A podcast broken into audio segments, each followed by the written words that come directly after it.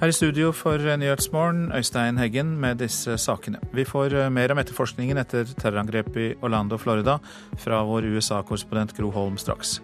SV vil kutte i støtten til religiøse samfunn som oppfordrer til brudd på menneskerettighetene. Et elendig forslag, sier islamkjenner.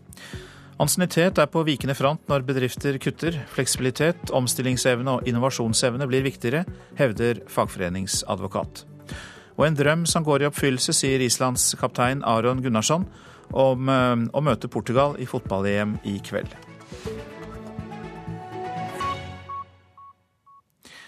Som vi hørte i Dagsnytt, 29-ringen eh, som sto bak massakren på en nattklubb for homofile i Orlando, hadde selv besøkt utestedet mange ganger. Jeg snakket med USA-korrespondent Gro Holm i eh, Orlando om dette like før sending. Ja, Det er jo avisa Orlando Sentinel som skriver at han skal ha vært på nattklubben flere ganger tidligere. Fire øyenvitner skildrer det. Han skal ha sittet i et hjørne og drukket for seg selv, og noen ganger blitt ganske så full. Eh, det opplyses også at han har vært eh, inne på Disney Land flere ganger her i eller Disney World her i Orlando. Og det, Noe av det som FBI nå gransker, er hvorvidt han kan ha vært på utkikk etter å gjennomføre terroraksjoner i Disney World. Og at det er derfor han har besøkt stedet rundt et dusin eh, ganger. Eh, men det er mange løse tråder. Det er mye som skal etterforskes, og vi får sikkert vite ganske mye mer i de kommende dagene. Er det noen flere opplysninger om denne mulige forbindelsen mellom gjerningsmannen og eh, terrororganisasjonen IS? Altså, FBI-direktør James Comey han sier at det er ikke noe det er ikke noe klar forbindelse til IS, selv om han har eh, ringt inn og sverget lojalitet til IS på, på eh, den kvelden han gjennomførte massakren. Derimot så har han også snakket om beundring for flere andre terroraksjoner, bl.a. Eh, Boston Marathon-bomberne. Han har snakket eh, positivt om Nusra-fronten og en selvmordsbomber fra, som kom her fra Orlando. Og dette er jo ting som FBI har visst om ganske lenge, at han, at han så med en viss beundring på den selvmordsbomberen fra Nusra-fronten. Men de fant ikke grunn til å gå noe videre med videre avhør eller eh, å anholde mannen på grunnlag av det. Eh, han fremstår eh, som en litt underlig person, og han har også sagt rare ting om familiens forhold til Al Qaida og til Hizbollah i Libanon. Ting som, i hvert fall for utenforstående, ikke henger sammen politisk. SV vil åpne for å kutte i all støtte til religiøse samfunn som oppfordrer til brudd på menneskerettighetene. Et elendig forslag som i verste fall kan ramme mange moskeer, sier islamekspert. Men på torsdag så ligger forslaget til SV an til eh, å få flertall på Stortinget. Vi skal ha et raust støttesystem for uh, trossamfunn i Norge, men det må finnes noen unntak for de som uh, fremmer verdier som uh, f.eks. ødelegger for likestilling og, uh, og, og, kvinners rett til å bestemme over eget liv. Audun Lysbakken og SV ligger an til å få med seg hele Stortinget på å åpne for at religiøse samfunn som oppfordrer til brudd på menneskerettene, skal miste all offentlig støtte. Islamekspert Lars Gule kaller forslaget elendig. Skal man straffes fordi man bruker ytringsfriheten til å si hva man mener? Det har jo ikke bare med religionsfrihet å gjøre, det har jo faktisk i veldig, veldig stor grad med ytringsfrihet.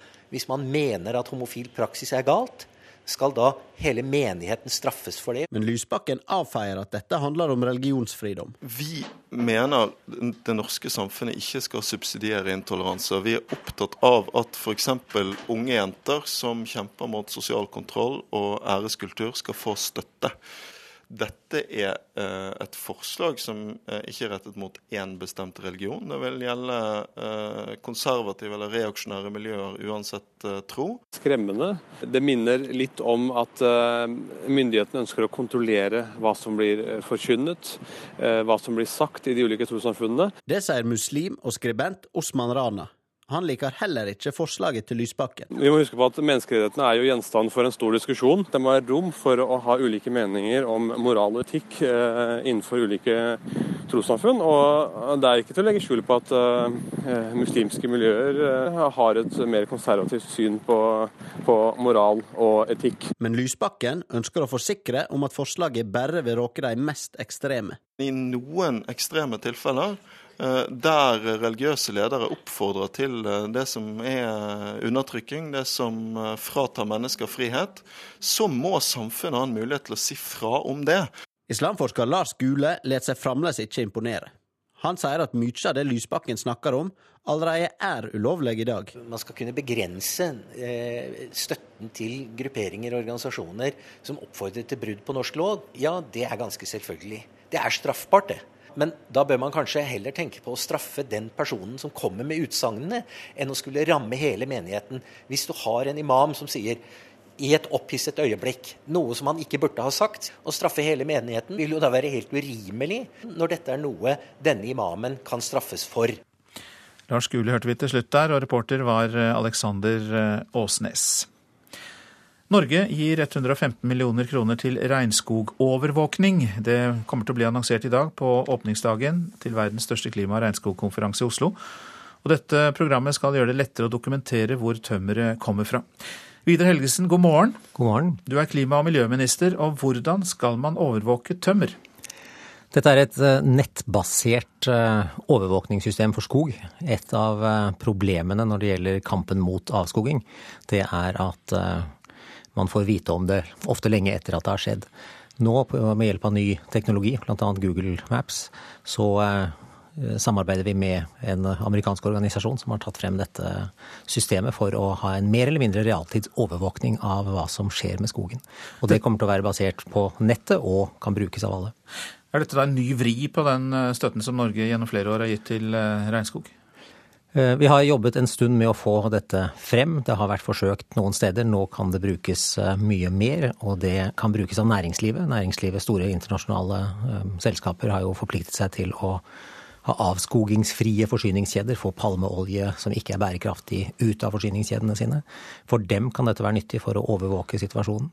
For indianerstammer i Amazonas, de bruker dette allerede. For uh, sivilsamfunn kan dette være nyttig. Og for uh, myndighetene, selvsagt, for å holde kontroll. Og for å kunne ha mer effektive tiltak mot ulovlig hogst, uh, inklusive kriminelle nettverk som holder på med dette. Men dette blir da kanskje også indirekte en støtte til eh, store multinasjonale selskaper. Du nevnte jo at eh, de eh, trenger dette for å, å oppfylle sine mål. Unilever og Cargill, skal Norge bruke oljepengene til det? Vi samarbeider veldig godt med store multinasjonale selskaper som har tatt på seg disse forpliktelsene, men heller ikke de har full kontroll per i dag på alt som skjer. Og dermed så kan også frivillige organisasjoner, aktivister eh, og urfolk eh, bruke dette verktøyet også til å holde disse selskapene til ansvar. Så dette er et eh, verktøy som skaper gjennomsiktighet, som skaper transparens. Og det er den eneste veien for å virkelig få kontroll på avskogingen, få debatt rundt det, i stedet for at det er kriminelle nettverk, ofte med politiske forbindelser, og de selskapene som ikke har forpliktet seg, for at de skal få råde grunnen. Så vi eh, har veldig tro på denne teknologien har tatt til bruk for å bevare regnskog. Så er det da denne konferansen i Oslo om klima og regnskogens framtid. Dit kommer bl.a. USAs utenriksminister John Kerry. Hvor viktig blir han på den konferansen? Han blir viktig fordi USA er et viktig land, og fordi Norge og USA nå inngår et uh, samarbeid om uh, regnskogspolitikk internasjonalt. Uh, vi regner ikke med at amerikanerne har mye mer penger å komme på bordet. Kongressen i USA er ikke skrudd sammen på den måten. Men det som er viktig for oss med dette samarbeidet, er et styrket samarbeid for å få større engasjement fra privat sektor, styrke offentlig-privat partnerskap Eh, mange av de store selskapene er amerikanske, og amerikanske myndigheter eh, kan derfor spille en viktig rolle. Og så har amerikanerne store programmer for kriminalitetsbekjempelse internasjonalt. Avskoging er også en kriminell virksomhet mange steder. Det står eh, mafialignende operasjoner bak. Og innsatsen til amerikanerne rundt styresett og bekjempelse av internasjonal kriminalitet kan også være et viktig virkemiddel hvis vi samspiller bedre. Så dette er en avtale mellom Norge og USA for å samspille bedre i kampen for verdens regnskog. Mange takk skal du ha, Vidar Helgesen, klima- og miljøminister. Og vi gir ikke helt opp politikken i denne omgang, for eh, du er kommet til studio, Håvard Grønli, og Politisk kvarter har også en, eh, et grønnskjær i dag. grønn innretning. Jordbruksoppgjøret er en av sakene i den lange rekka av vedtak som blir banka gjennom i Stortinget den siste veka. Politikerne vedtar det staten og organisasjonene forhandla fram tidligere i vår, men eh, burde de det dersom stortingsflertallet egentlig ønsker ei anna retning? Landbruksministeren møter Senterpartiet og Miljøpartiet. Det er altså Politisk kvarter, som begynner om eh, en time og ja, ett minutt.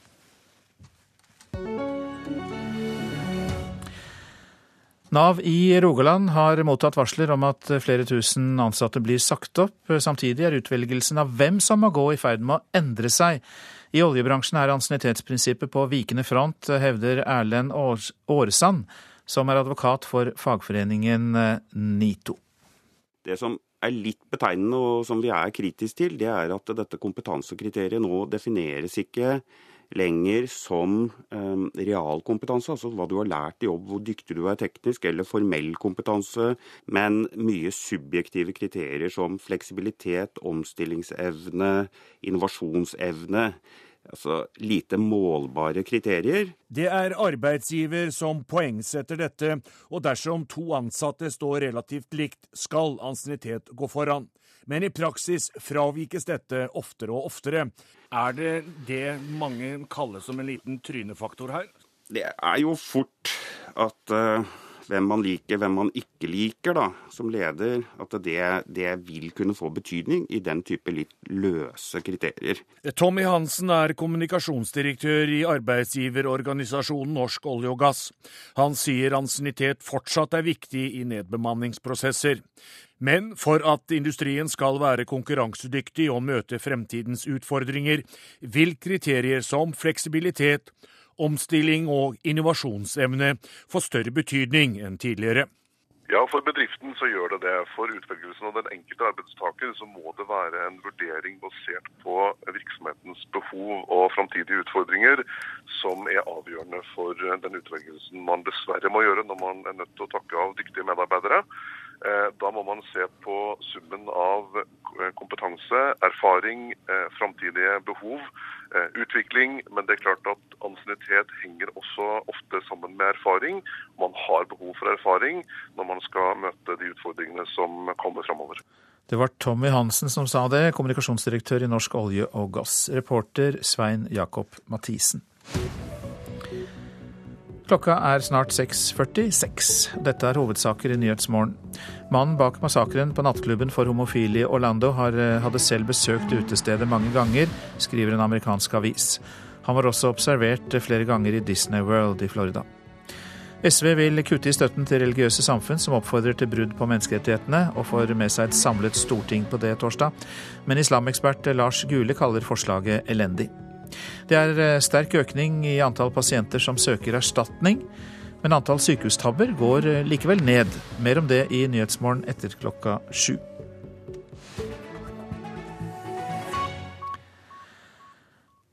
Og så er det fotball-EM også her i Nyhetsmorgen, for til tross for en noe skuffende åpning for Sverige med uavgjort 1-1 mot Irland, så er de svenske supporterne sikre på at laget vil heve seg til neste kamp. Det her er bare begynnelsen. Vi er underdogs, men eh, vi kommer nok ta det her. Ja, det er litt sånn der. Vi kunne tenkt oss en seier, forstås. Ja, var, det var en god kamp. Men det er små marginaler. Men eh, neste match Skuffet, men fattet var de svenske supporterne etter 1-1 mellom Sverige og Irland i går kveld. Selv om Zlatan Ibrahimovic bidro til irenes selvmål og svensk utligning, syntes ikke Sveriges Radios ekspert Rikard Henriksson det var noen god start på EM for svenskene. Nei, det her var ingen bra fotballmatch. Låg kvalitet, dårlig pasningsspill fra begge lagene. Vi er særskilt besvikne på det svenske laget at man ikke kunne prestere bedre. Sveriges store stjerne Zlatan Ibrahimovic har hatt det største fokuset på sine skuldre i forkant av mesterskapet. Han skyldte på åpningsnerver i går. Kan være spenningen Nå trenger Sverige trolig seier mot enten Italia eller Belgia. Og på spørsmål om hvordan det går, svarer Ibrahimovic slik. Vi får se. Det er to, andre, to helt ulike matcher. Nå, første blir mot Italia. og Det blir en tøff match også, så Men vi er en match i taket. Reporter var Hilde Liengen. Og i dag spiller Island sin aller første kamp i et internasjonalt fotballmesterskap. Og det blir litt av en debut. De møter Portugal, som bl.a. har en av verdens beste spillere på laget. Så Islands kaptein Aron Gunnarsson sier det er en drøm som går i oppfyllelse. Bare eiginlega ólýsanlegt í rauninni. Maður dreymdi um þetta alltaf sem krakki og, og Det er ubeskrivelig. Jeg har drømt om dette siden jeg var gutt. Det har vi alle på dette laget. En stolt og spent Aron Gunnarsson gleder seg voldsomt til det historiske møtet med Portugal i Svantetjen i kveld. Og það gerðist náttúrulega og, og skilja bara stoltur af því sem við höfum áorkað sem, sem lið. Jeg kan ikke beskrive følelsen. Jeg er ufattelig stolt av det dette laget har klart. I høst danset islendingene samba i gatene i Reykjavik da EM-plassen ble sikret. I kvalifiseringen slo de bl.a. giganten Nederland to ganger. Nå håper de på en ny gjev skalp. Islendinger er jo litt gale, ikke sant? så vi tror alltid at vi kan vinne hele verden. Så at eh, alle islendinger er veldig optimistiske. Det sier Lillestrøm-trener Runar Kristinsson. Han er også mannen med flest landskamper for Island gjennom tidene. I kveld sitter han på tribunen og følger Island i en kamp hvor han mener de har alt å vinne. Alt presset på Portugal. Uh, og Det er ikke lett for dem å gå ut i den kampen, og alle sier de, de må vinne den kampen. Det er et lag som de skal slå. Hva sier Runar Kristinsson hvis Island skårer mot Portugal i morgen? på Island, det? Ja, ja. ja, jeg sier bare ja. Ja. Det blir spennende å se. Det er altså Island-Portugal eh, i dag. Og reporter var Andreas Hagen. Så en titt på det avisen er opptatt av. Én av ti friske personer her i landet er bærer av antibiotikaresistente bakterier. Det viser en kartlegging gjort av Folkehelseinstituttet og gjengitt i Nasjonen. Det er bekymringsfullt, mener fagdirektør Ulf Dale. Om vi er bærere av resistente bakterier, kan det gjøre oss sårbare for sykdom. Ni av 14 forlater Carte Blanche, Norges nasjonale kompani for samtidsdans. Det er oppslaget i Bergens Tidende. Ifølge folk i dansemiljøet er det misnøye med teatersjef Homan Sharifi. Han svarer at danserne har sterke meninger, og at det derfor oppstår gnisninger. Det er ingen grunn til at de over 60 skal ha mer ferie enn andre, eller andre fordeler. De må bli billigere i drift, sier Kristin Skogen Lund til Dagens Næringsliv. Lederen av arbeidsgivernes organisasjon NHO vil kutte i seniorgodene. Her bodde Orlando-terroristen, skriver Aftenposten, som har vært inne i Omar Matins leilighet. Den ser ut som et vanlig amerikansk hjem. Det er få ting som tyder på at en muslim bodde der. Jeg vil aldri tilgi min sønn, sier terroristens far til VG. Sedike Matin snakker med gråtkvalt stemme om at de ikke så noen problemer med sønnen, som alltid var presis og aldri hadde noen voldelige tendenser. Vårt Land har gått gjennom medieutviklingen i amerikanske valgkamper. I 1913 arrangerte president Woodrow Wilson tidenes første pressekonferanse. Nå er det en presidentvalgkamp mellom Hillary Clinton og Donald Trump som er blitt en konkurranse i å mestre nye medier. Nå skal Jens Johan Hjort igjen bli Høyres redningsmann i Tromsø, kan vi lese i Nordlys, som har snakket med flere sentrale høyrefolk i byen. Den tidligere ordføreren sier selv at han absolutt ikke har brent noen bruer til politikken. Korps er kult igjen, kan vi lese i Adresseavisen. Etter 15 år med fallende kurve har trenden snudd. Nå sliter skolekorpsene i Trøndelag med å skaffe nok instrumenter. Petter Stordalen er stolt av sin kone. Jeg når henne ikke til kneskålene, sier han til Dagbladet. Gunhild Stordalen fulgte ikke legenes råd. Hun brøt kreftbehandlingen i Nederland for å kunne være med på EAT-konferansen i Stockholm for å skape bærekraftige løsninger for mat og helse. Mens norske designere hylles i utlandet, så kjemper de for oppmerksomhet i Norge. Den norske møbeldesigneren Vestre anslår at næringen kan skape flere tusen nye arbeidsplasser her hjemme, hvis bare regjeringen får opp øynene for det. Norskdesigna benker og bord i knæsjfarga metall og mørkt tre gjøres klar for å vise seg fram for rundt 500 designere i Oslo. Historia bak de her utemøblene tilhører det mer sjeldne. De er nemlig designa og produsert av et norsk selskap, Vestre. For i dag er ikke det en selvfølge. Vi er liksom hovedleverandør for en av de viktigste danske designprodusentene. Og det er jo litt sånn bemerkelsesverdig for oss. Det var ikke det det var ikke sånn vi så for oss at vi skulle jobbe når vi gikk på skolen. Det her er produksjonsdesigner Espen Wold. Han jobber noe med norske produsenter, men hovedsakelig med utenlandske. Norsk design er i ferd med å bli en kjempestor eksportartikkel, men ikke i form av eh, produkter, men i form av designere. Så utenlandske produsenter finner nå norske designere og henter dem inn til sin, eh, til sin virksomhet. Under møbeldesignuka i Milano tidligere i år ble det norske utstillingssamarbeidet Structure trukket fram som en av de aller beste utstillingene av anerkjente Wallpaper, Designmilk og The Sunday Times. Sistnevnte satt norske Folke Svatun Lirhus og Bjørn van den Berg på lista over de 15 mest spennende nye designerne på messa, ifølge Dagens Næringsliv. Administrerende direktør i Vestre, Jan Christian Vestre, etterlyser nå at regjeringa tar grep for at slike designere blir i Norge. Det er vel og bra at norske designere gjør det godt med utenlandske produsenter, men som en norsk produsent så ønsker vi at mer av verdiskapingen skal skje i Norge. Jeg er helt overbevist om at vi kan skape tusenvis av nye arbeidsplasser i Norge i denne industrien, men da må også næringen høyere opp på den politiske dagsordenen, slik at vi får mer oppmerksomhet fra virkemiddelapparatet, Innovasjon Norge, og ikke minst også at staten og offentlige myndigheter blir en viktigere bestiller av designprodukter i byggeprosjektene som skjer i regi av det offentlige. Han mener næringsminister Monica Mæland bør sette design som en av hovedsatsingene når hun ferdiggjør arbeidet med en ny stortingsmelding om omstilling og satsing i industrien framover. I en e-post til NRK skriver Mæland at de er i startfasen i arbeidet med industrimeldinga, men vil vurdere å trekke inn design som et virkemiddel i forsknings- og innovasjonspolitikken. Det er en start, men jeg syns det er litt passivt av næringsministeren, fordi design har vært et virkemiddel i forsknings- og innovasjonspolitikken i mange mange år allerede. Vi ber ikke om et kulepunkt i en nærings- eller industrimelding, vi ønsker oss et nasjonalt prosjekt for å løfte denne næringen.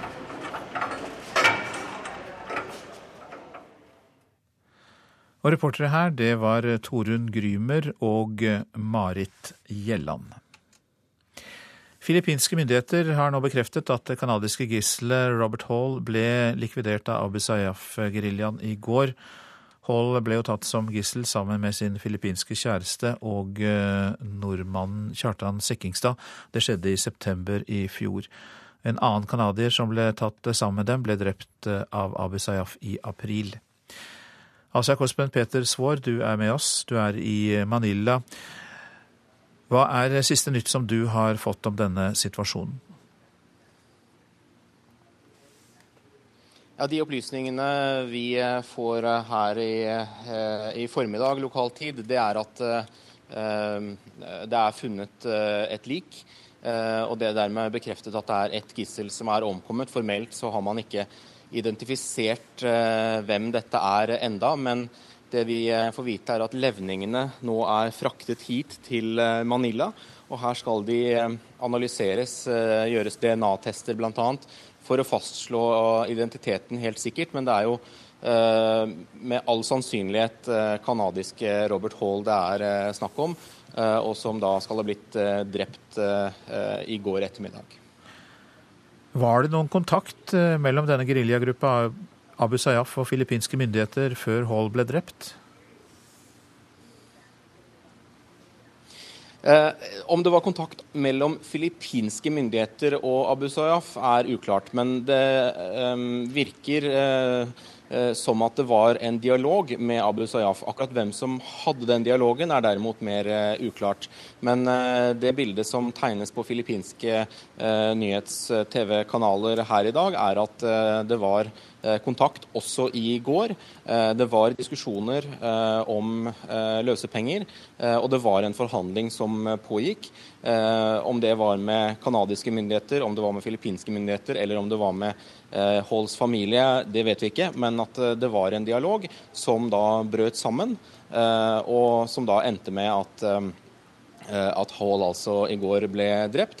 Jeg ser også akkurat nå et intervju på filippinsk fjernsyn med en lokal talsmann for hæren ved Davao, som forklarer da hvorfor det har vært så vanskelig å eh, finne disse gisseltakerne til tross for en nå snart ni måneder lang eh, militær operasjon. og den Forklaringen som blir gitt er jo bl.a. at fjellene er høye. Men det er jo ingen tvil om at disse 300 Abu Sayyaf-soldatene i alt jo er i et stort mindretall i forhold til den filippinske hæren. Og det er mange her som spør seg nå om hvor, hvordan de kan fortsette å operere. Hvorfor hæren ikke finner dem og, og, og, og tar dem. Mange takk skal du ha, Asia-korrespondent eh, Peter Svaar. Så tar vi et eh, værvarsel. Østafjells og fjell i Sør-Norge. Fortsatt mye pent vær, men noen ettermiddagsbyger nord på Østlandet. Kan hende med torden. Mot kvelden tilskying på Sørlandet og i Telemark, og utpå kvelden regn også. På kysten av Vest-Agder forbigående østlig liten kuling. Vestlandet sør for Stad stort sett pent vær, men enkelte ettermiddagsbyger. I Rogaland noe tilskyende utover dagen. På kysten rundt Stad eh, nordøst stiv kuling. Møre og Romsdal og Trøndelag for det meste opphold og mye sol, men enkelte byger i indre strøk utover ettermiddagen og kvelden. På kysten nordøst opp i stiv kuling. Nordland fortsatt kjølig og regnbyger der. Utover ettermiddagen noe lettere vær, spesielt sør for Saltfjellet. Troms og Finnmark perioder med regn og regnbyger, særlig da i Troms og i ytre strøk av Øst-Finnmark. I eh, Finnmark liten kuling, dreiende vestlig utover dagen. Og eh, Spitsbergen skiftende skydekke, stort sett opphold. Temperaturene tar vi med oss. Målt klokka fem. Svalbard lufthavn fem. Kirkenes seks. Vardø fem. Alta åtte. Tromsø, Langnes og Bodø seks. Brønnøysund åtte. Trondheim-Værnes fem. Molde åtte. Bergen-Flesland ti. Stavanger tolv. Kristiansand-Kjevik sju. Gardermoen ni. Lillehammer ti. Røros to. Og Oslo-Blindern elleve.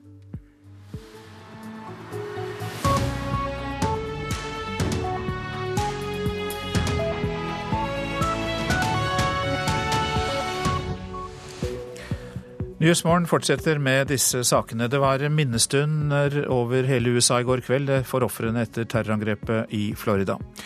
Den homofile mannen er islamisters og høyreradikales felles fiendebilde. Det skriver Aftenpostens kommentator Frank Rossavik i dag. Han er kommet til oss for å si mer om det. Og vi skal høre mer om det vi hørte i Dagsnytt, den sterke økningen i antall pasienter som søker erstatning. Nesten fem år etter Muammar Gaddafis død kan den tidligere libyske diktatoren skape trøbbel for Frankrikes tidligere president Nicolas Sarkozy. I går kveld mintes folk over hele USA de 49 ofrene for skytemassakren i Florida natt til søndag. I Orlando, bare et par kilometer fra åstedet, deltok flere tusen mennesker. Blant dem representanter for det muslimske miljøet. Regnbuefargede hoder og regnbuefargede flagg beveget seg i takt da koret med sangere fra LHBT-miljøet sang 'True Colors' under minneseremonien i sentrum her i Orlando i går kveld. De fleste tilhørte nok miljøet av lesbiske, homofile, bifile og transpersoner, men der var også borgermestere fra flere av Floridas byer og imam Amodi. We condemn this act of terrorism vi fordømmer denne terrorhandlingen og alle terrorhandlinger i islams eller andre religioners navn, sa imam Amodi og tilføyde.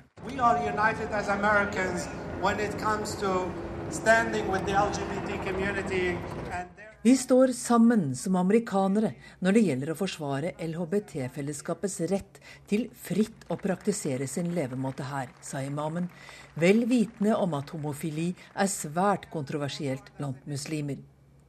Men i havet av regnbuefarger sto det også en kvinne med islamsk hodeplagg. Hun og mannen ville gjerne vise sin medfølelse med de drepte og deres familier. Jeg er veldig, veldig opprørt, sier Omar Khalil. For hver gang det skjer noe slikt, så kommer vi under press, som om det er noe galt med islam. Men vi er en del av det amerikanske fellesskapet, forsikrer Khalil. Han vet at varmen fra fellesskapet denne kvelden viet sorgen i Orlando, verken føles av alle eller varer evig. Leroy Valentine Fernandez. Tevin Eugene Crosby. Og så leses navnene på de døde opp. For de skal ikke bli glemt. De skal leve videre i byens kollektive hukommelse og mange av de frammøtte hadde nære venner blant de drepte. Um, uh, Jeg kjente to av ofrene, Javier og Shane. Javier hadde jeg kjent i ti år. Han var en kjær venn, sier Eduardo Castanero med tårer i øynene. Det var latinokveld på nattklubben Puls lørdag. Derfor er det så mange med latinamerikanske navn på listen over de 49 drepte. Castanero er selv fra Puerto Rico, men trives i Orlandos varme klima og homsevennlige miljø.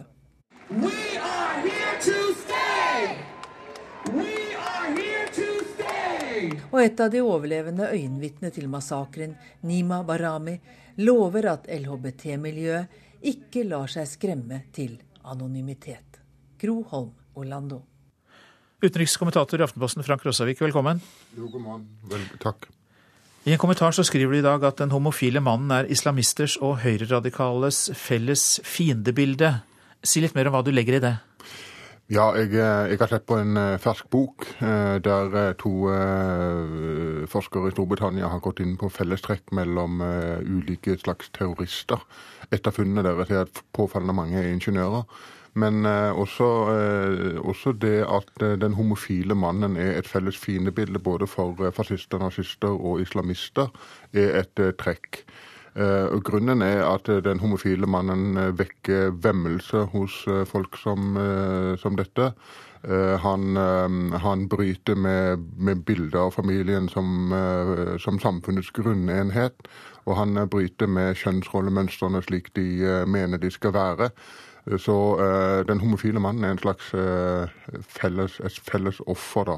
Og har også vært uh, gjenstand for mye hatkriminalitet og en del terroraksjoner. Tror du da at det blir, kan ha vært hovedmotivasjonen til denne mannen, i og med at du også skriver at han kan ha slengt på denne troskapen til IS i siste liten? Det er en mulighet.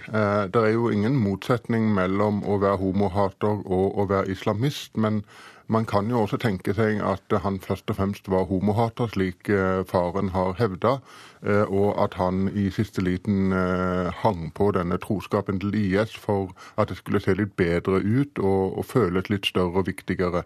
Det er jo også meldinger i amerikansk presse om at denne gjerningsmannen har vært sett på homoklubber mange ganger, så han kan være homofil selv eller bifil og hate denne siden ved seg. Også et klassisk motiv for, for vold. Så hvordan kan denne massakren og den uh, homovolden, for så vidt, som du og eh, raseriet mot de homofile kanskje kunne påvirke den amerikanske valgkampen i år mer enn før? Altså, Det som påvirker den amerikanske valgkampen, hvis denne hendelsen gjør det, er det faktum at vi har fått en ny stor terroraksjon i USA. Eh, og, og, og, og, at det, det kan tenkes å ha vært et islamistisk motiv. Eller i alle fall delvis et islamistisk motiv. Det er i alle fall en muslim som står bak. Og det er noe som sannsynligvis vil tjene Donald Trump hvis, hvis episoden får effekt. Men så skal vi jo legge til at amerikanerne har jo en, en, en utrolig evne til å svelge unna denne typen voldsepisoder. Såkalte mass shootings er jo vanlig i USA, og ofte så er de mer eller mindre gått i glemmeboken etter et par uker. Takk skal du ha for at du kom hit til Nyhetsmorgen, utenrikskommentator i Aftenposten Frank Rossavik.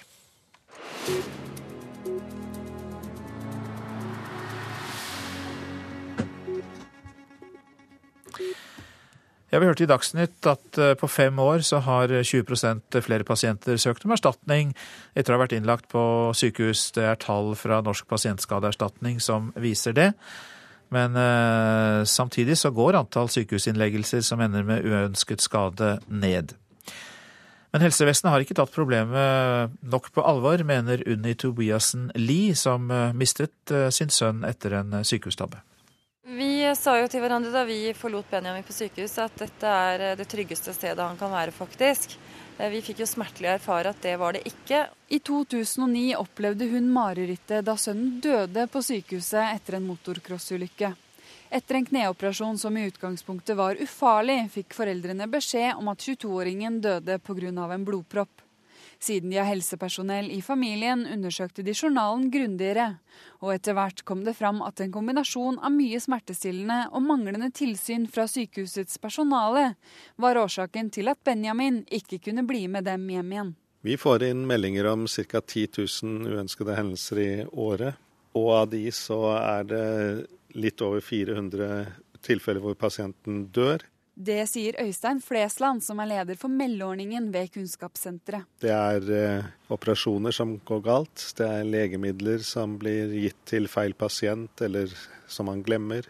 Eh, det er pasienter som faller på sykehus, eh, og noen av de skader seg jo. I dag er det 20% flere som søker om erstatning etter sykehusopphold enn det var for fem år siden. Men det er ikke nødvendigvis fordi det er flere tabber, mener direktøren i Norsk pasientskadeerstatning, Rolf Gunnar Jørstad. Det ene er at helsepersonell nok er blitt flinkere til å informere om denne ordningen. Det andre er at folks eh, rettighetsbevissthet nok har blitt eh, større. Man benytter nok det i enda større grad. Nesten 14% av alle sykehusinnleggelser ender med uønskede skader på pasientene, ifølge tall fra Helsedirektoratet. Selv om tallet har gått ned de siste årene, er det likevel for tidlig å si om sykehusene er blitt bedre, sier Anne Grete Skjellanger, som leder pasientsikkerhetsprogrammet. Det kan se ut til at vi har en nedadgående trend, men vi trenger flere år for å dokumentere om dette er tilfeldig variasjon, eller om det faktisk er en forbedring. Unni Tobiassen Lie er i dag leder for pårørendegruppa for unaturlige dødsfall. Hun er glad for at tallet går nedover, men hun mener likevel vi bør ha større ambisjoner. Jeg tror vi har eh, et av verdens beste helsevesen, men det skjer dessverre altfor mye. Og jeg kjenner nå at hvis eh, en av mine to andre gjenlevende sønner skal på sykehus, eh, så skal jeg være der. Reporter her var Randi Midskog. Dag Brusgaard, velkommen. Takk for det. Du er professor i samfunnsmedisin og tidligere styreleder i Norsk pasientforening. Ja, vi hørte jo om eh, dette at eh, registrerte sykehustabber går ned, men likevel så øker altså antall søknader om eh, erstatning. Hva tror du kan være sammenhengen i det som virker som to motsetninger? Nei, vi har jo et uh, veldig avansert og komplisert uh, helsevesen. Og det er nok mange som uh, føler en fremmedgjøring overfor dette systemet. Når det skjer ting de ikke riktig forstår, så trenger de å bli tatt hånd om. Og Norsk pasientforening har merket et kraftig økt tilgang de siste årene. Og det gjelder jo ikke bare feil men, men, der uønskede ting skjer, og hvor nok helsevesenet ikke er flink nok til å følge opp disse og gi dem informasjon og forklare dem at noen ganger er det påregnelige bivirkninger og komplikasjoner som kommer, og så er det det vi selvfølgelig må prøve å hindre, det er fortsatt så er det feil. Og da må altså Uansett må disse menneskene tas hånd om og forklares. og det skjer ikke alltid. Men det er jo altså da flere som eh, søker erstatninger etter eh, sykehusopphold. Er det da en økt rettighetsbevissthet? Det er det vel all grunn til å tro. og uh, Høie har jo lansert begrepet pasientenes helsevesen. En fokus på, på, pasientene, og dermed også pasientenes rettigheter i, i vid forstand, ikke bare ved, i forbindelse med, med, med feil. Nå eh, sa Unni Tobiassen Lie det siste vi hørte her i innslaget, at eh, hvis eh, hennes to gjenlevende sønner skulle komme på sykehus, så ville hun bli med dem. Eh, er det forholdsregler vi selv bør ta? Bør vi faktisk da følge opp eh, de slektningene som eh, drar på sykehus, og passe på at det går dem vel? Ja, altså det, Kanskje det som er viktigst, er jo at, at helsepersonell tar både pasientenes utsagn og pårørendes utsagn alvorlig. Det hender jo at pårørende kommer og forteller at de sier at vi har observert at vårt barn f.eks. som ligger på sykehus, det har skjedd noe, vi, vi, forstår det ikke riktig. Og så blir ikke dette Dette blir ansett som unødig bekymring.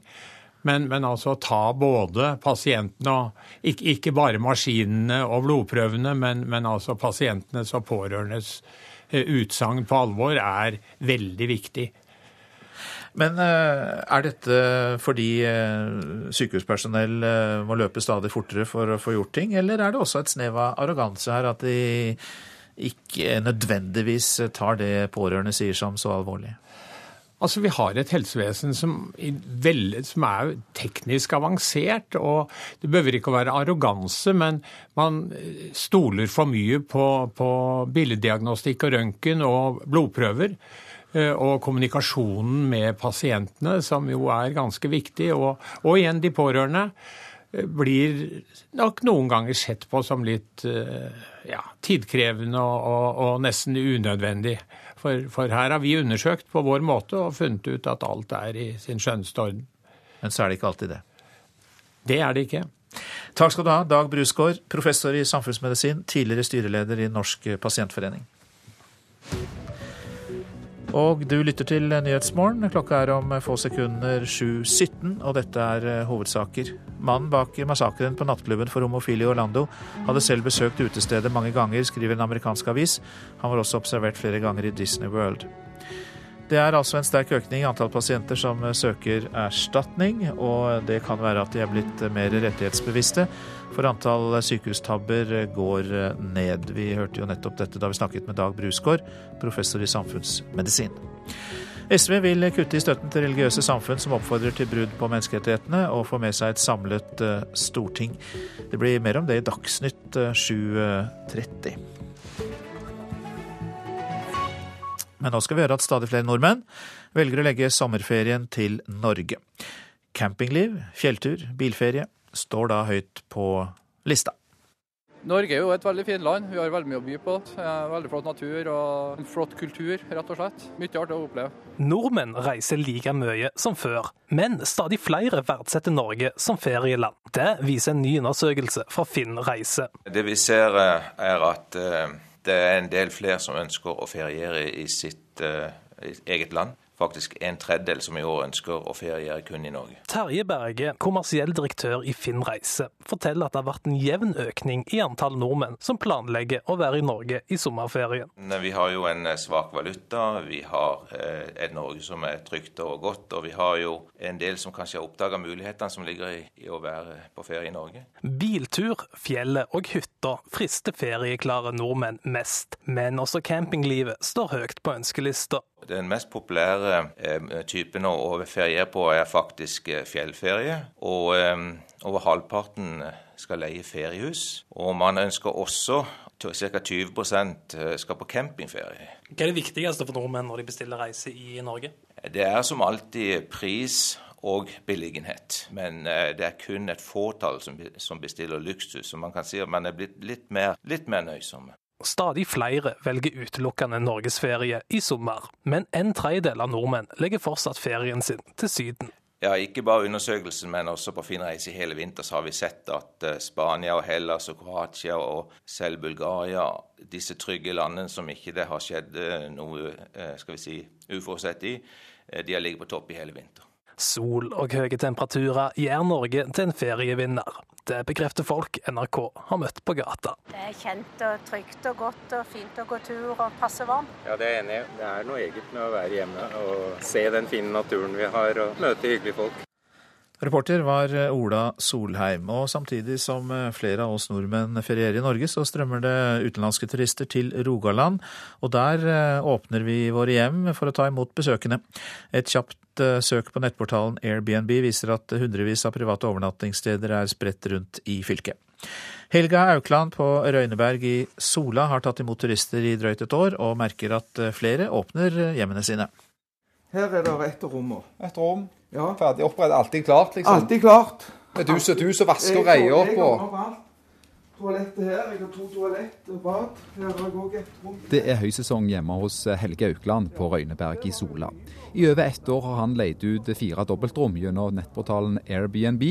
Og i dag har han reid opp sengene for fire kinesiske turister, og flere er på vei. Og så har jeg nye, nye kinesere den 12. Reiser den 13. Det er ei gruppe på seks gjester. Og så dagen etterpå så kommer det øh, nye kinesere. Hva er det du syns er kjekt med dette? Jeg syns det er kjekt å møte folk. Jeg syns det er kjekt å, å, å, holde ting i orden. Jeg syns det er veldig greit å tjene litt penger. We searched the Google and found some application and reserved the house for three nights. På Fiskerpiren i Stavanger møter vi tyske, nederlandske og sørkoreanske turister på vei til Preikestolen. Og det er ikke vanskelig å finne folk som har leid rom og leiligheter privat. Um, these apartments there. Private apartment. Private apartments. Where did you sleep tonight? To Airbnb. We sleep in Airbnb near here. Scandinavia is very expensive, and now we have say hostels. It is cheap and yeah. Så, så her er det uh, klart. Alltid klart. Alltid klart. Uansett, for det kan være at de bestiller dagen før. Antallet rogalendinger som leier ut rom, hus og leiligheter på døgn- og ukesbasis er økende. Vi merker at det er ganske, ganske mye mindre eh, henvendelser i, i juni-juli i år i forhold til i fjor. Ja, ok. Hvor mye da, liksom? Ja, i hvert fall en, en 30-40% nedgang. Blir du rik av å leie ut rom i huset ditt på denne måten? Blir aldri rik på, på, den måten. Men i fjor var det jo et veldig godt år for meg.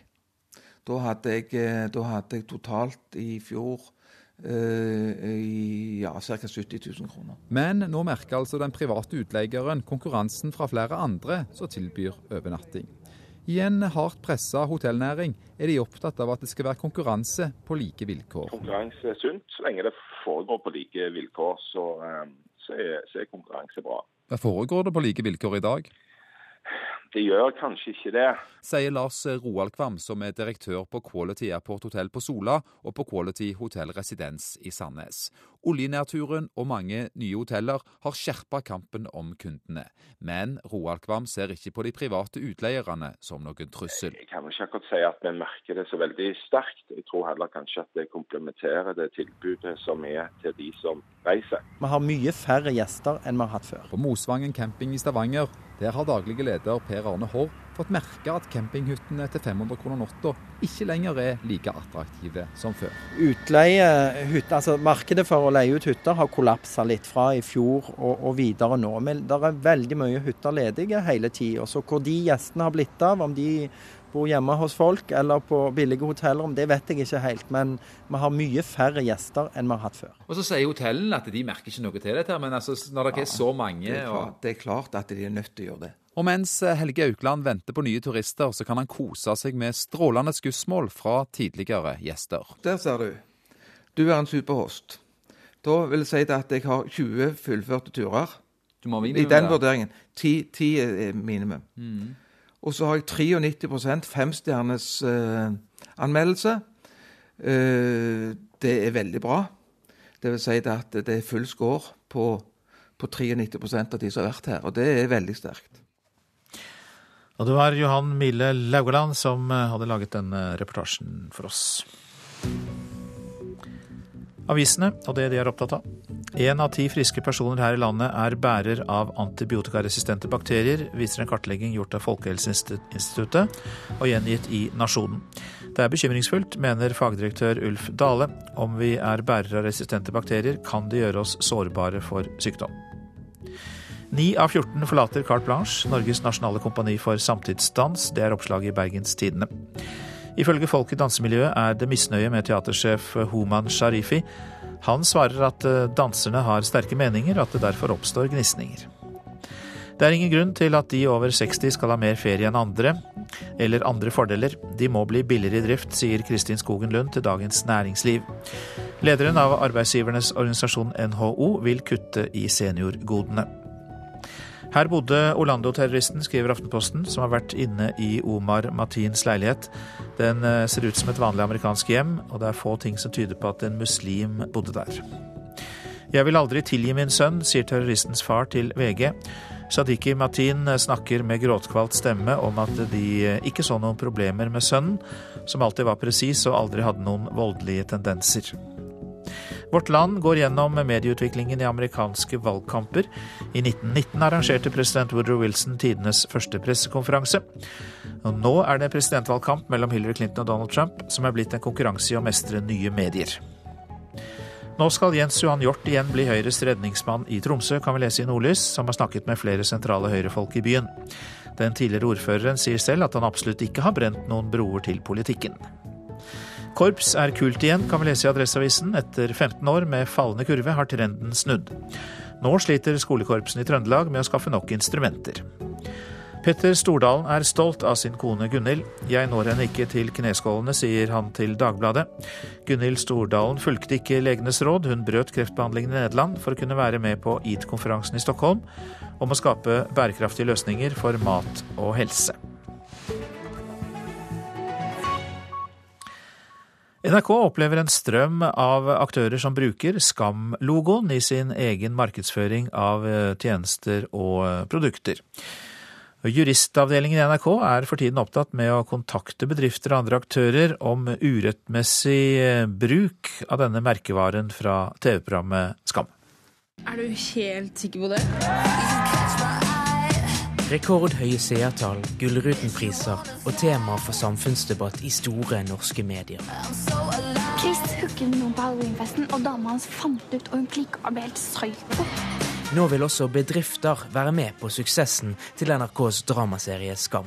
Nå har jeg nok et tosifret antall saker relatert til skam, hvor jeg har tatt kontakt med en eller annen part og bedt de slutte med en aktivitet eller en virksomhet. Eh, slutte å bruke logoen eller eh, stoppe en planlagt eh, tjeneste. Karianne Lang Re er advokat i NRK.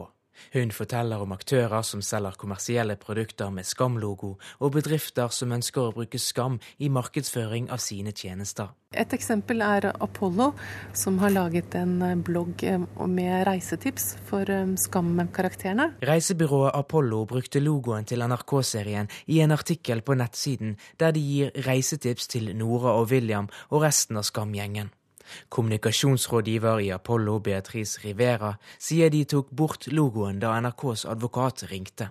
Når jeg lagde det bildet, så, så, tenkte jeg faktisk ikke så langt. Bare det tok første fonten som kom opp og skrev 'Skam' med store gule bokstaver. Og så så jeg etterpå at når hun nevnte det, så så jeg jo at eh, ja, den ligner jo selvfølgelig altfor mye. Så det var jo bare korttenkt gjort av meg. NRK-advokaten forteller likevel at de ønsker velkommen alle blesten rundt serien, og at produkter slik som gensere med Nora pluss William ikke går under varemerket Skam.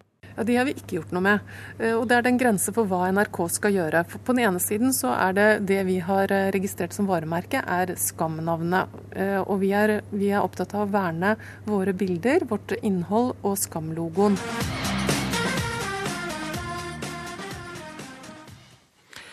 Reportere her Eirik Tufteland Kroken og Eirin Venås Sivertsen. Så tar vi med at helseminister Bent Høie vil ha godteri vekk fra områdene rundt kassene i butikkene. Han sier til VG at han vil samarbeide med matkjedene for å finne løsninger som gjør at eh, sukker og godteri havner andre steder enn ved kassakøene. Både Norgesgruppen, Rema 1000 og Coop sier de er positive til Høies forslag. Ja, det er Nyhetsmorgen du lytter til. Produsent Vidar Eidhammer. Her i studio Øystein Heggen. Det er harme blant de mange tyrkerne som bor i Tyskland over at nasjonalforsamlingen der har vedtatt at drapene på armenerne under første verdenskrig var et folkemord. Mer i reportasjen etter Dagsnytt. Og I Politisk kvarter er jordbruksoppgjøret tema for debatten mellom FrPs landbruksminister Jon Georg Dale, Senterpartiets nestleder Ola Borten Moe og Une Aina Bastholm, som er talsperson for Miljøpartiet.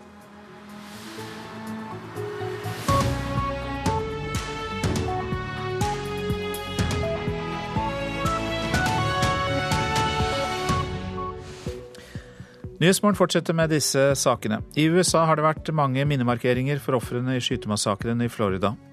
Den homofile mannen er både islamisters og høyreradikales felles fiendebilde.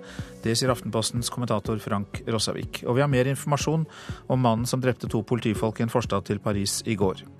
SV åpner for å kutte i all støtte til religiøse samfunn som oppfordrer til brudd på menneskerettighetene.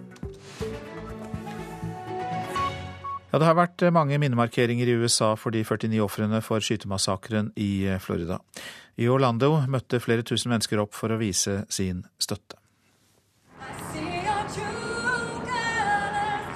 Regnbuefargede hoder og regnbuefargede flagg beveget seg i takt da koret med sangere fra LHBT-miljøet sang 'True Colors' under minneseremonien i sentrum her i Orlando i går kveld. De fleste tilhørte nok miljøet av lesbiske, homofile, bifile og transpersoner. Men der var også borgermestere fra flere av Floridas byer og imam Amodi.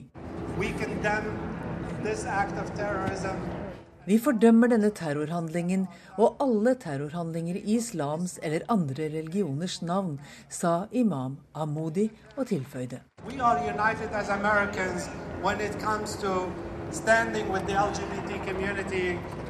vi står sammen som amerikanere når det gjelder å forsvare LHBT-fellesskapets rett til fritt å praktisere sin levemåte her, sa imamen, vel vitende om at homofili er svært kontroversielt blant muslimer. Men i havet av regnbuefarger sto det også en kvinne med islamsk hodeplagg.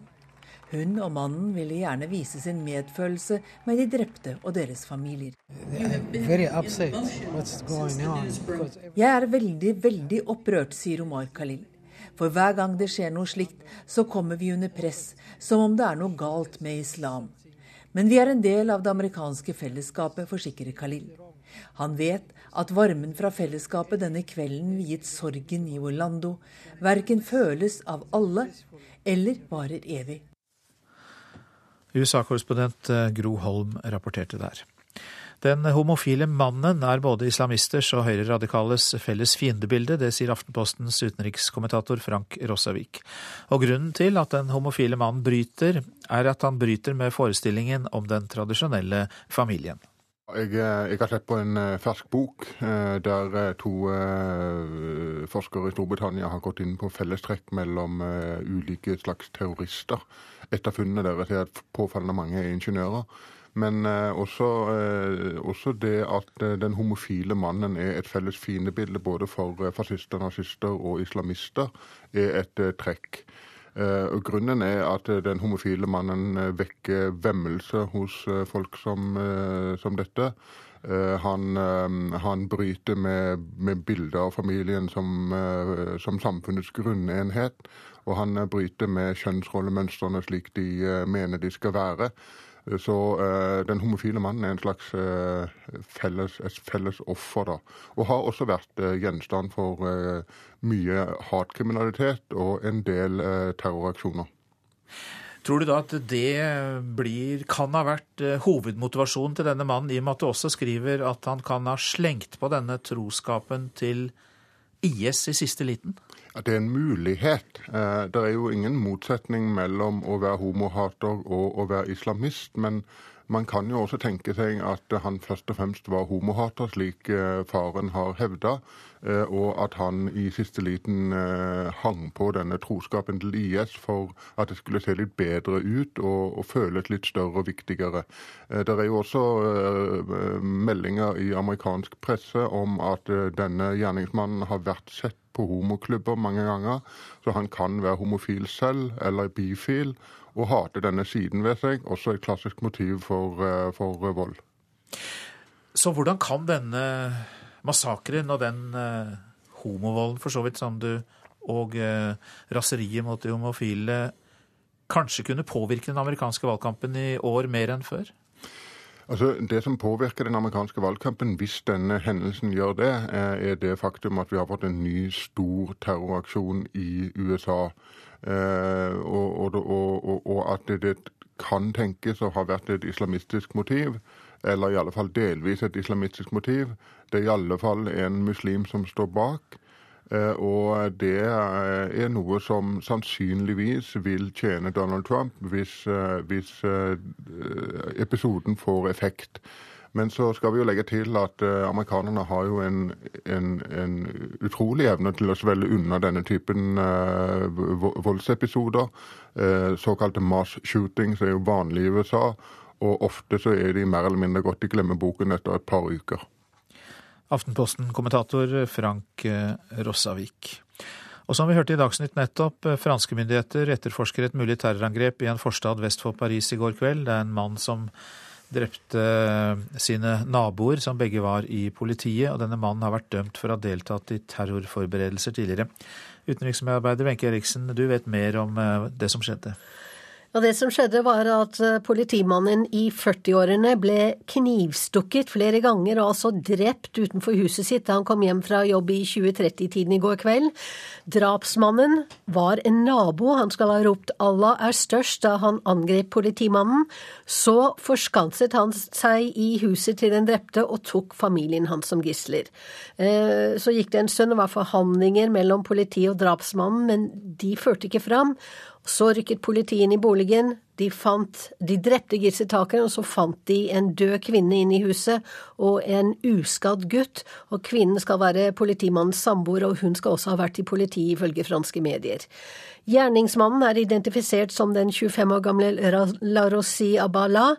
I 2013 ble han dømt til fengsel i tre år for å ha deltatt i forberedelser til en mulig terrorhandling i Pakistan, melder BFM TV. Og nå bekrefter altså en regjeringstalsmann i Frankrike at drapene var eh, terrorhandling. IS skal også ha sagt at de sto bak disse drapene utenfor Paris, eh, og det er det vi vet foreløpig. Ja, midt i denne angsten for terrorangrep i Paris og uh, fotball-EM, hvor alvorlig ser franske myndigheter på det som nå har skjedd? De ser veldig alvorlig på det. Eh, den franske presidenten Francois Hollande har innkalt til et møte i Élysée-palasset nå i formiddag. Vi skal kaste lys over forholdene omkring dette avskyelige dramaet, sier han i en uttalelse. Og blir det bekreftet at dette handler om terror, og det er det altså blitt bekreftet nå, så er dette det første angrepet utført av militante siden terrorangrepene som drepte 130 mennesker i Paris i november i fjor. Takk skal du ha, utenriksmedarbeider Wenche Eriksen. Og SV vil åpne for å kutte all støtte til religiøse samfunn som oppfordrer til brudd på menneskerettighetene. Det er et elendig forslag som i verste fall kan ramme mange moskeer, sier en islamekspert. Men torsdag så eh, ligger forslaget fra SV an til å få flertall på Stortinget. Vi skal ha et raust støttesystem for uh, trossamfunn i Norge, men det må finnes noen unntak for de som uh, fremmer verdier som uh, f.eks. ødelegger for likestilling og, uh, og, og, kvinners rett til å bestemme over eget liv. Audun Lysbakken og SV ligger an til å få med seg hele Stortinget på å åpne for at religiøse samfunn som oppfordrer til brudd på menneskerettene, skal miste all offentlig støtte. Islamekspert Lars Gule kaller forslaget elendig. Skal man straffes fordi man bruker ytringsfriheten til å si hva man mener? Det har jo ikke bare med religionsfrihet å gjøre, det har jo faktisk i veldig, veldig stor grad med ytringsfrihet. Hvis man mener at homofil praksis er galt, skal da hele menigheten straffes for det? Men Lysbakken avfeier at dette handler om religionsfridom. Vi mener det norske samfunnet ikke skal subsidiere intoleranse. Vi er opptatt av at f.eks. unge jenter som kjemper mot sosial kontroll og æreskultur, skal få støtte. Dette er eh, et forslag som eh, ikke er rettet mot én bestemt religion. Det vil gjelde eh, konservative eller reaksjonære miljøer uansett eh, tro. Skremmende. Det minner litt om at eh, myndighetene ønsker å kontrollere hva som blir eh, forkynnet, hva som blir sagt i de ulike trossamfunnene. Det sier muslim og skribent Osman Rana. Han liker heller ikke forslaget til Lysbakken. Vi må huske på at Menneskerettighetene er jo gjenstand for en stor diskusjon. Det må være rom for å ha ulike meninger om moral og etikk eh, innenfor ulike trossamfunn. Og det er ikke til å legge skjul på at eh, muslimske miljøer eh, har et mer konservativt syn på, på, moral og etikk. Men Lysbakken ønsker å forsikre om at forslaget bare vil råke de mest ekstreme. I noen ekstreme tilfeller der religiøse ledere oppfordrer til eh, det som er undertrykking, det som eh, fratar mennesker frihet, så må samfunnet ha en mulighet til å si fra om det. Islamforsker Lars Gule lar seg fremdeles ikke imponere. Han sier at mye av det Lysbakken snakker om, allerede er ulovlig i dag. Man skal kunne begrense støtten til grupperinger og organisasjoner som oppfordrer til brudd på norsk lov. Ja, det er ganske selvfølgelig. Det er straffbart, det. Men da bør man kanskje heller tenke på å straffe den personen som kommer med utsagnene, enn å skulle ramme hele menigheten. Hvis du har en imam som sier i et opphisset øyeblikk noe som han ikke burde ha sagt, å straffe hele menigheten vil jo da være helt urimelig, når dette er noe denne imamen kan straffes for. Det var Lars Gule vi hørte til sist eh, der, og reporter var Alexander eh, Åsnes. Filippinske myndigheter bekrefter at det canadiske gisselet Robert Hall ble drept av Abu Sayyaf-geriljaen i går. Hall ble tatt som gissel sammen med sin filippinske kjæreste og nordmannen Kjartan Sekkingstad i september i fjor. En annen canadier som ble tatt sammen med dem, ble drept av Abu Sayyaf i april. Asia-korrespondent Peter Svaar rapporterer fra Manila. De opplysningene vi får her i, eh, i formiddag lokal tid, det er at eh, det er funnet eh, et lik. Og det er dermed bekreftet at det er et gissel som er omkommet. Formelt så har man ikke identifisert hvem dette er enda, men det vi får vite er at levningene nå er fraktet hit til Manila. Og her skal de analyseres, gjøres DNA-tester bl.a for å fastslå identiteten helt sikkert. Men det er jo eh, med all sannsynlighet eh, kanadiske Robert Hall det er eh, snakk om. Og som da skal ha blitt drept i går ettermiddag. Var det noen kontakt mellom denne geriljagruppa Abu Sayyaf og filippinske myndigheter før Hall ble drept? Om det var kontakt mellom filippinske myndigheter og Abu Sayyaf er uklart. Men det virker Eh, som at det var en dialog med Abu Sayyaf. Akkurat hvem som hadde den dialogen, er derimot mer uh, uklart. Men uh, det bildet som tegnes på filippinske nyhets-TV-kanaler her i dag, er at det var kontakt også i går. Det var diskusjoner om løsepenger, og det var en forhandling som pågikk. Om det var med canadiske myndigheter, om det var med filippinske myndigheter eller om det var med Eh, Halls familie, det vet vi ikke, men at eh, det var en dialog som da brøt sammen, eh, og som da endte med at at Hall altså i går ble drept. Jeg ser også akkurat nå et intervju på filippinsk fjernsyn med en eh, lokal eh, talsmann for hæren eh, ved Davao, som forklarer da hvorfor det har vært så vanskelig å finne disse gisseltakerne, til tross for en nå snart ni måneder lang eh, opp, eh, militær operasjon. og den Forklaringen som blir gitt er bl.a. at eh, fjellene er høye. Men det er jo ingen tvil om at disse 300 Abu Sayyaf-soldatene i alt jo er i et stort mindretall i forhold til den filippinske hæren. Og det er mange her som spør seg nå om hvor, hvordan de kan fortsette å operere. Hvorfor hæren ikke finner dem og, og, og, og tar dem. Klokka har passert 8.46. Eh, Dette er eh, hovedsaker. Mannen som drepte to franske politifolk i en forstad vest for Paris i går, var tidligere dømt for medvirkning til terror. Myndighetene kaller det et eh, terrorangrep. I USA har det vært mange minnemarkeringer for ofrene i skytemassakren i Florida. SV åpner for å kutte i all støtte til religiøse samfunn som oppfordrer til brudd på menneskerettighetene. Og vi skal høre at mange ambulanser her i landet får motorhavari etter hard bruk, tung last og tøff kjøring. Stortinget vedtar i dag et eh, jordbruksoppgjør flertallet egentlig er imot. Det sier nestleder i Senterpartiet, Ola Borten Moe.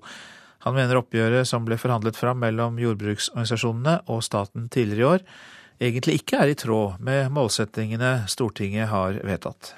Nei, jeg mener jo ikke det. Og Stortinget mener jo sjøl heller ikke det. For man ber jo statsråden beint ut om å komme tilbake neste år med et jordbruksoppgjør som styrker strukturvirkemidlene, altså styrker virkemidlene inn mot de små og mellomstore brukene, og som styrker virkemidlene for å opprettholde produksjon i eh, distriktene.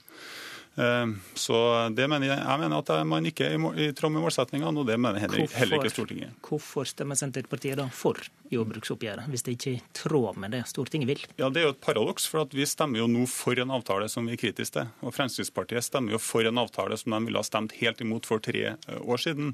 Og Årsaken til det, det er at vi har hatt et avtaleinstitutt i Norge, et unikt avtaleinstitutt som har sikra landbruket og eh, folk fra bygdene en forhandlingsrett med staten for å sikre likeverdighet. Og det er heilagt? Det er veldig viktig. Og vi har ikke tenkt å underminere det med å stemme mot en inngått avtale.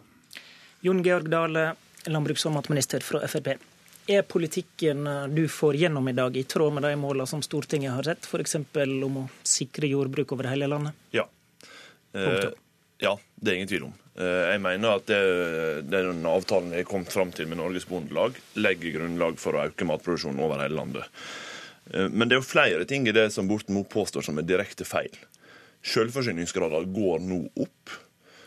Innsatsfaktorene som er henta i Norge, bl.a. i kraftfôrproduksjonen, går opp på bekostning av utenlandsk import. Så påstandene fra Senterpartiet er jo direkte feil. Så vi må rydde bordet før vi starter denne debatten. Hovedmålsetninga til Stortinget over tid har vært at vi skal øke matproduksjonen i Norge. Hvis vi skal øke matproduksjonen i Norge, så betyr det at noen bønder må produsere mer. Hvis vi skal få til det, så må vi stimulere til at det er mer lønnsomhet hvis du produserer mye mat enn hvis du produserer lite mat. Bare på den måten kan vi øke selvforsyningsgraden vår, sørge for at vi har et mangfold i butikkene våre, og sørge for at vi faktisk kan produsere mat over hele landet. Det legger jordbruksavtalen som vi har inngått med Norges Bondelag til rette for. Det vi har opplevd de siste tre årene, det er en storstilt sentralisering av norsk matproduksjon. Og det har i stor grad skjedd fordi at man politisk har ønska det. Og dette ble sagt i Politisk kvarter. Der var Håvard Grønli programleder. Organisasjoner i arbeidslivet tror ledigheten kommer til å stige neste år. Både NITO, Norsk Industri og Rederiforbundet er mer eh, pessimistiske enn Statistisk sentralbyrå, som anslår at ledigheten vil gå ned neste år. Nå kuttes det så mye at nøkkelkompetanse kan gå tapt, det frykter Trond Markussen i Norges ingeniør- og teknologiorganisasjon, som altså er eh, NITO. På eh, fem år har 20% flere pasienter søkt om erstatning etter å ha vært innlagt på sykehus, viser ferske tall fra Norsk pasientskadeerstatning. Samtidig går antall sykehusinnleggelser som ender med uønsket skade, ned. Helsevesenet tar ikke problemet nok på alvor, mener Unni Tobiassen Lie, som mistet sønnen sin etter en sykehustabbe. Vi sa jo til hverandre da vi forlot Benjamin på sykehus at dette er det tryggeste stedet han kan være, faktisk. Eh, vi fikk jo smertelig erfare at det var det ikke. I 2009 opplevde hun marerittet da sønnen døde på sykehuset etter en motocrossulykke. Etter en kneoperasjon som i utgangspunktet var ufarlig, fikk foreldrene beskjed om at 22-åringen døde pga. en blodpropp.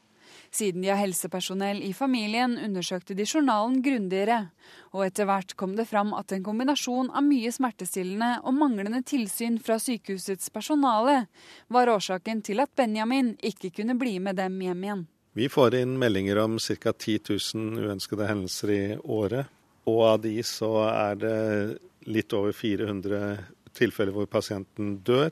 Det sier Øystein Flesland, som er leder for meldeordningen ved Kunnskapssenteret. Det er eh, operasjoner som går galt. Det er legemidler som blir gitt til feil pasient, eller som man glemmer.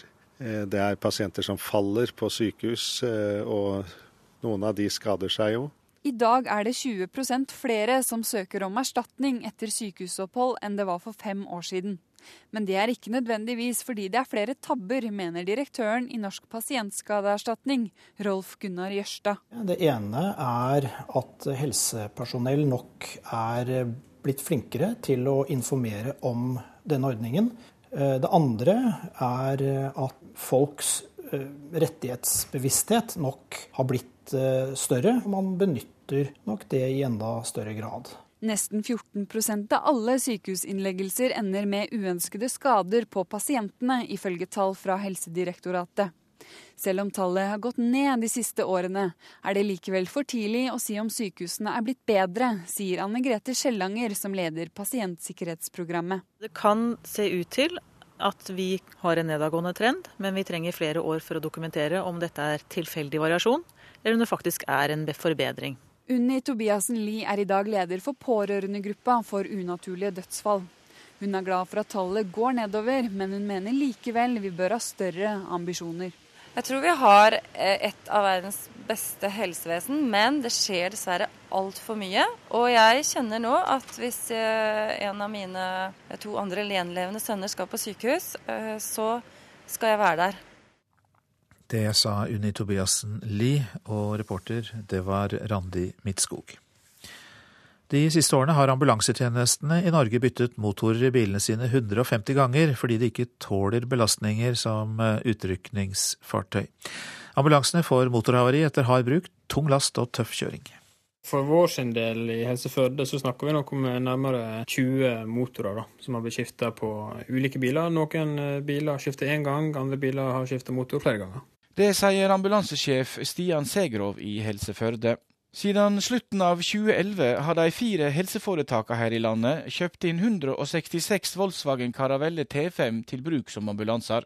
En ringerunde NRK har gjort til helseforetakene, viser at det blitt skifta motorer minst 150 ganger. Årsaken er at motorene ikke har tålt påkjenninga som utrykningskjøretøy. Leder av ambulanseavdelinga ved Universitetssykehuset i Nord-Norge, Per Øyvind Sørgaard, er en av de som har merka problemene. I Universitetssykehuset Nord-Norge så har vi bytta 44 motorer på våre Volkswagen transporterambulanser. Og vi har da flere stykker som nå står på tur igjen for å bytte. Situasjonen er den samme i resten av landet. Guttorm Brattebø er sjef for prehospitale tjenester i Helse Bergen. Ja, Totalt sett har vi fått skiftet ca. 20 motorer i våre ambulanser fra 2010. Vi har jo fått eh, avslørt at eh, motorløsningen kanskje ikke er den beste. I Helse Midt-Norge er ikke Volkswagen Caravelle like mye i bruk som ambulanse. Men også her har de slitt med bilene de har kjøpt inn, forteller logistikksjef Jon Ola Vattø. I Helse Midt-Norge så er det skifta ut en plass mellom 12 og 16 eh, motorer. Kjøretøyet har fått et eh, økt eh, oljeforbruk. Etter hvert har vi fått havari på maskinen. Antageligvis så har det vært kjøleren til oljesystemet som har avgitt sporene i oljen, ført til mer oljeforbruk og til til slutt maskinhavarier. Ambulansene av typen Volkswagen Caravelle ble kjøpt inn gjennom nasjonale og regionale anbud i perioden 2011-2015. De koster ca. 1,2 millioner kroner fullt utstyrt. Problemene har likevel ikke ført til svikt i beredskapen eller driftsstans for ambulansetjenestene, ifølge ambulansesjef Stian Segrov i Førde. Dette har vi nok eh, håndtert med at vi har fått sette inn eh, reservebiler, og at det er mer planlagt når en tar bilene ut av drift. Direktør for nyttekjøretøy Håkon Fergestad i Møllergruppen, som er importøren av Volkswagen til Norge, innrømmer at det har vært problem med Volkswagen Caravelle som ambulanse. Nå selger vi over 4000 eh, transporter og karaveller i året i Norge. Så dette er et eh, forholdsvis begrenset utfordring, sånn som vi ser det. Men det stemmer at eh, på noen utvalgte modeller med, med spesielt hard bruk, som f.eks. ambulanser, så har det vist seg at over tid så kan det oppstå noe høyere oljeforbruk enn normalt. Og i visse tilfeller da, så velger vi å bytte motoren. Fra januar i fjor ble Caravelle erstatta av Volkswagen Amarok som ambulanse i Norge. Håkon Fergestad i Møllergruppen sier motorskiftet blir løst som en garantisak, og han sier tilbakemeldinga for fabrikken er at motorproblemene nå skal være løst. Så vidt vi har fått tilbakemelding, så har fabrikken løst eh, den utfordringen nå. Så de motorene som setter inn i bilene, vil ikke oppleve økt oljeforbruk. Det er også på en modell som vi ikke selger lenger, så det vil jo begrense seg til de modellene vi har levert. Burde Møller ha forsikra seg om at uh, denne typen biler som det ga i anbudet for ambulanser, det burde være mer skikka som utrykningskjøretøy? Altså, sånn som vi ser det, og de tilbakemeldingene vi får fra ambulansetjenesten, så er de veldig fornøyd med denne modellen som ambulanse. Vi har solgt et stort antall biler, og de har vært uh, veldig populære. Så sånn som vi ser det, så er de svært egnet som ambulanse. Reporter var Odd Helge Brugrand. Ja, statsmeteorolog Terje Alsvik eh, Valle, velkommen igjen til Nyhetsmorgen. Takk for det. Eh, det kan være grunn til å titte litt bakover nå når det er eh, gått halvveis av juni, hvordan været har vært så langt? Det har vært større forskjeller enn vanlig, kan man si. Altså, det har vært kjøligere enn normalt nordpå. Også Midt-Norge har temperaturer under det som er gjennomsnittet for årstiden. Og særlig Troms har nok merket at det har vært kjøligere for årstiden. Indre Troms 3-4 grader under det som er gjennomsnittet for juni. Mens i sør så har temperaturen ligget litt over normalen. Så Oslo, Bergen, Stavanger Kristiansand f.eks. har opplevd temperaturer som ligger et par grader over normalen. Så forskjellen har vært større enn vanlig da mellom nord og sør. Og det er jo forskjeller vi kanskje ser på denne tiden eh, ganske tydelig mellom nord og sør. Eh, ser vi det også i dag? Ja, vi gjør det. Altså, vi ser at det er stor forskjell mellom eh, nord og sør. Og særlig på kysten av Nord-Norge er det veldig kjølig i dag. Temperaturer bare på fem-seks grader på kysten av Øst-Finnmark f.eks., sammen med en frisk vind. Og Bodø opplever nå seks grader og noen regnbyger i morgentimene, så det er kjølig over Nord-Norge.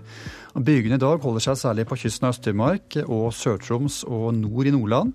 Bare noen sporadiske byger lenger sør i Nordland og Nord-Troms og Finnmark får stort sett opphold oppholdsvær. I Trøndelag og i Møre og Romsdal oppholdsvær og perioder med sol i dag i dagtimene. Opp til liten kuling på kysten fra ca. Trondheimsfjorden og sørover fra nordøst. Vestlandet sør for Stad og Sørlandet, Telemark og Østlandet får stort sett fint vær med oppå seg en god del sol for mange. Men det er flere skyer på vei inn mot sørlandsfylkene nå, men stort sett tørt. Så kan det dukke opp enkelte lokale ettermiddagsbyger Særlig nord i Hedmark og Oppland i dag. Og temperaturene vil jo komme opp på 20-tallet i sør, og lokalt nærmer det seg nok 25 på de varmeste stedene, f.eks. sør på Østlandet i ettermiddagstimene i dag. Så da har vi et spenn fra 5 til 25, da. Ja, det er dagens spenn, og Spitsbergen ligger omtrent på en 5-6-7 grader sol. Mange takk. Terje Alsvik Valle var det. Ansvarlig for eh, nyhetssendingene denne morgenen var Anne Skårseth, og produsent for Nyhetsmorgen Vidar Eidhammer.